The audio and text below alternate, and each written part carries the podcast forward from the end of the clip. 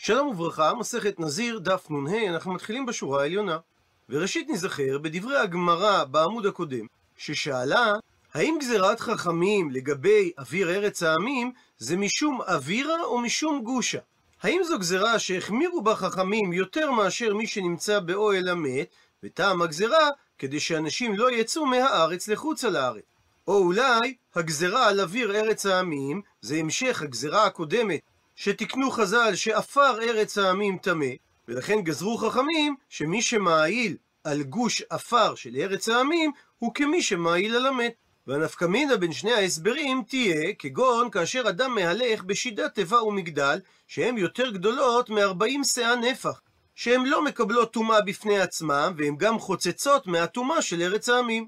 שאם נאמר שטעם הגזרה זה משום אווירה, כדי שלא יצא אדם מהארץ לחוצה לארץ, אז גם אדם שמהלך בשידת תיבה ומגדל יהיה טמא, שהרי אוויר ארץ העמים נוגע בו גם כאשר הוא נמצא בתוך השידת תיבה ומגדל. לעומת זאת, מי שאומר שטעם הגזרה זה משום גושה, זאת אומרת שיש חשש קונקרטי שאולי הוא מעיל על המת, אז אדם שנכנס בשידת תיבה ומגדל לא יהיה טמא. ושואלת הגמרא, למה כתנאי? אולי הספק שהזכרנו, האם חכמים גזרו טומאה על אוויר ארץ העמים משום אווירה ומשום גושה, זה בעצם מחלוקת התנאים בברייתא הבאה, שאדם הנכנס לארץ העמים בשידת תיבה ומגדל, רבי מטמא, ורבי יוסי ברבי יהודה מתאר. עד לכאן לשון הברייתא ומדייק את הגמרא. מה אליו? האם מחלוקת התנאים היא לא באופן הבא, שרבי סבר שחכמים גזרו טומאה על אוויר ארץ העמים משום אווירה, בלי קשר לחשש קונקרטי האם האדם העיל על עפר ארץ העמים, ולכן גם אדם שנכנס לארץ העמים, ויש בינו לבין עפר הארץ חציצה על ידי השידה, התיבה או המגדל, הרי בסופו של דבר הוא נמצא בחוצה לארץ, ולכן רבי מטמא. ורבי יוסי ברבי יהודה לעומת זאת סבר, שחכמים גזרו על אוויר ארץ העמים משום גושה, דהיינו משום חשש קונקרטי, שאולי אדם מעיל על עפר שיש בו מת, ולכן אדם שיש בינו לבין עפר ארץ העמים חציצה על ידי שידה, תיבה ומגדל, רבי יהודה מטהר. דוחה הגמרא שלא זו נקודת המחלוקת, מפני שניתן להסביר דכולי עלמא. גם רבי וגם רבי יוסי ברבי יהודה סוברים שחכמים גזרו טומאה על אוויר ארץ העמים משום גושה. ונקודת המחלוקת בברייתא, שמר סבר שזה רבי יוסי ברבי יהודה, שאוהל זרוק שמי אוהל, ומר סבר שזה רבי, שאוהל זרוק לא שמי אוהל. הוא מסביר הראש שאוהל זרוק זה אוהל שמיטלטל על ידי אדם או בהמה שנושאים אותו. ונחלקו התנאים מה ההגדרה של אוהל כזה. רבי סבר שאוהל זרוק לא נחשב אוהל ולכן הוא לא מהווה הפסק בין האדם לעפר ארץ העמים, וזה כאילו האדם הזה מהלך ממש על גבי הקרקע. ורבי יוסי ברבי יהודה לעומת זאת סבר שאוהל זרוק נחשב כאוהל, וממילא הוא מהווה חציצה בין האדם לבין עפר ארץ העמים. מקשה על כך הגמרא והתניא, והרי שנינו בברייתא בדיוק להפך, שרבי יוסי ברבי יהודה אומר, תיבה שהיא מלאה כלים, הוזרקה על פני המת, כך שהתיבה עברה בתנועה מעל הגופה, או שהוא זרק את התיבה מלאת הכלים באוהל ששם נמצא המת. הדין במקרה כזה שהיא טמאה, וגם כל הכלים שבתוכה. מפני שרבי יוסי ברבי יהודה סובר שאוהל זרוק לא נחשב כאוהל, והוא לא מהווה הפסק בין הכלים לבין טומאת המת. אבל, ואם הייתה התיבה מונחת, אז היא לא אוהל זרוק אלא אוהל קבוע, ולכן הדין שגם התיבה טהורה וגם הכלים שבתוכה טהורים, שהרי התיבה מצלת בפני הטומאה.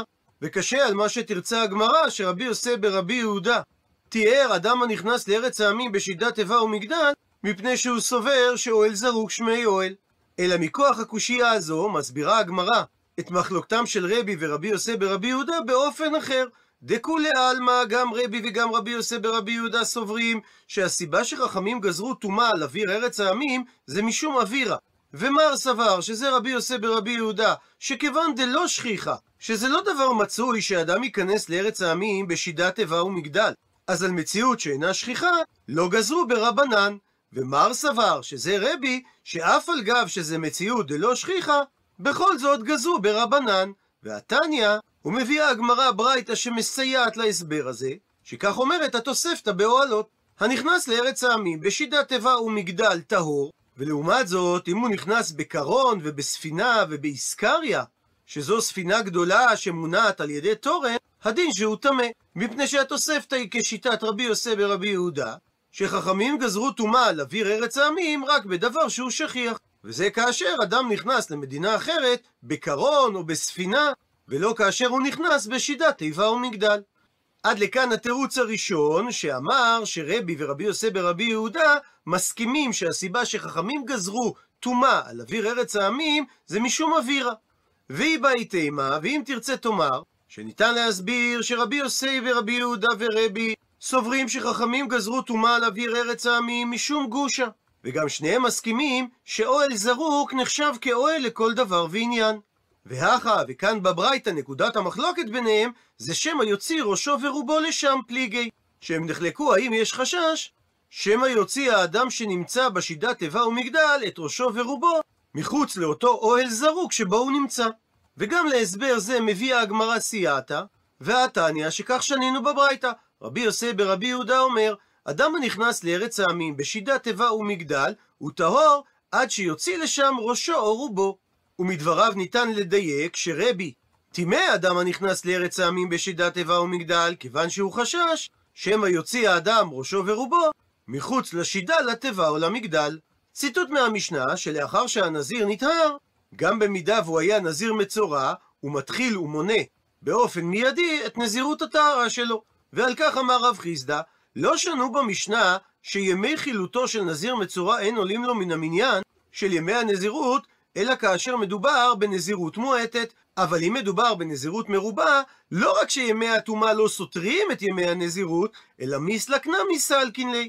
הם גם עולים לו, דהיינו נחשבים לו, למניין ימי הנזירות. הוא מסביר המפרש, שבזמן שקיבל עליו הנזיר נזירות שלושים יום, ונצטרע בתוך אותם שלושים יום, ולאחר עשרה ימים שהוא שמר נזירות, הוא נחלט כמצורע.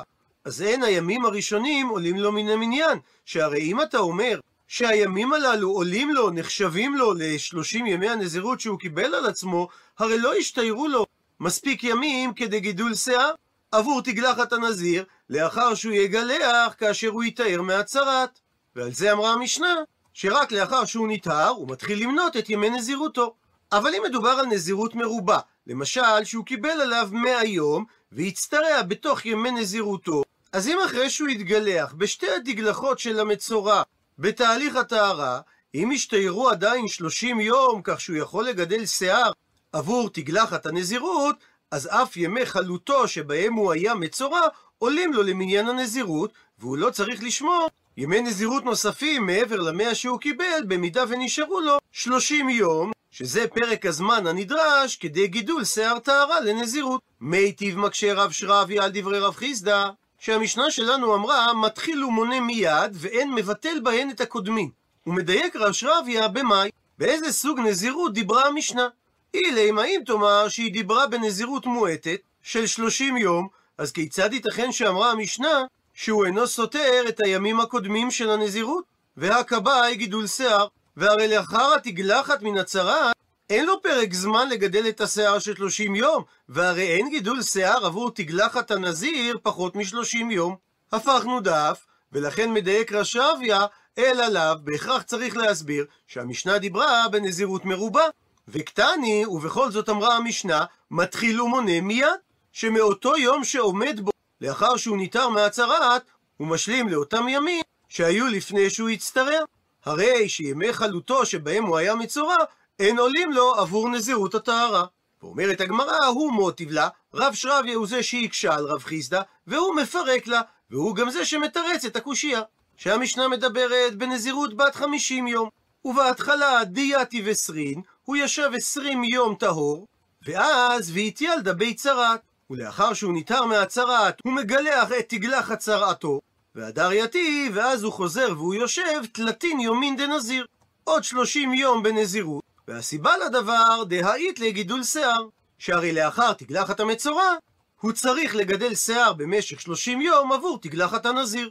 כך שמה שאמר רב חיסדא, שהמשנה אמרה שאין ימי הטומאה של המצורע עולים למניין הנזירות אלא בנזירות מועטת, הוא לא דיבר על נזירות שהיא סך הכל 30 יום, אלא הוא התכוון שלאחר ימי הטומאה של הצרת, הנזיר צריך לשמור 30 ימי נזירות נוספים עבור גידול השיער.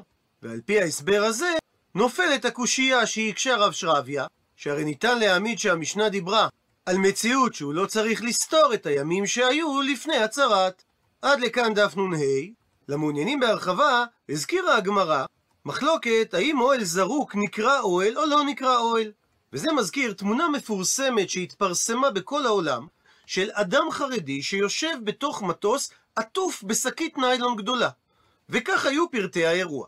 בחודש ניסן תשע"ג, קצת לפני ערב הפסח, גילה כהן ששהה בחוצה לארץ שטיסתו לישראל התבטלה והוא לא יוכל להגיע לבני משפחתו לפני כניסת החג.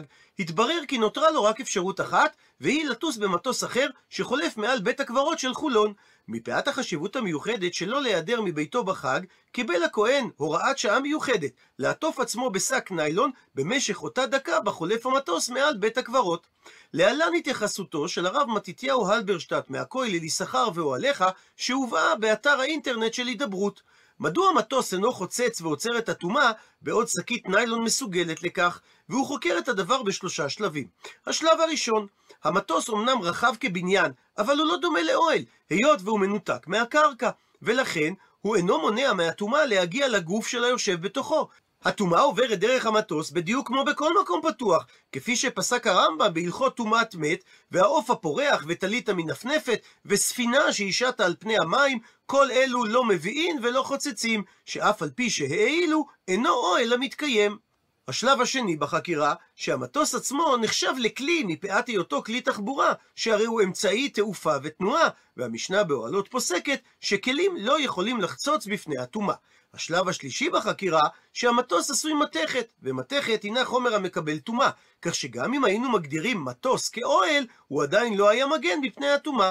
פלסטיק לעומת זאת, הינו חומר שאינו מקבל טומאה, היות ואינו מוזכר בתורה, ולמרות שהוא לא יכול לשמש אוהל, עדיין ביכולתו לשמש כלי אטום המגן מפני הטומאה, בדומה לצוללת, אשר רק מה שבתוכה נותר יבש, וזה מה שנקרא צמיד פתיל, ולכן השימוש בניילון הגן על גוף הכהן מפני הטומאה.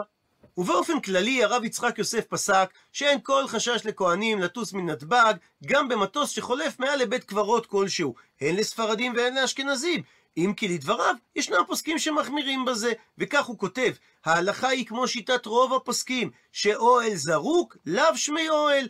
ולכן הוא כותב שמטוס או רכבת שעוברת גשר מעל בית קברות, אין בדבר איסור, מעיקר הדין זה מותר לכתחילה, אבל המחמיר, תבוא עליו הברכה.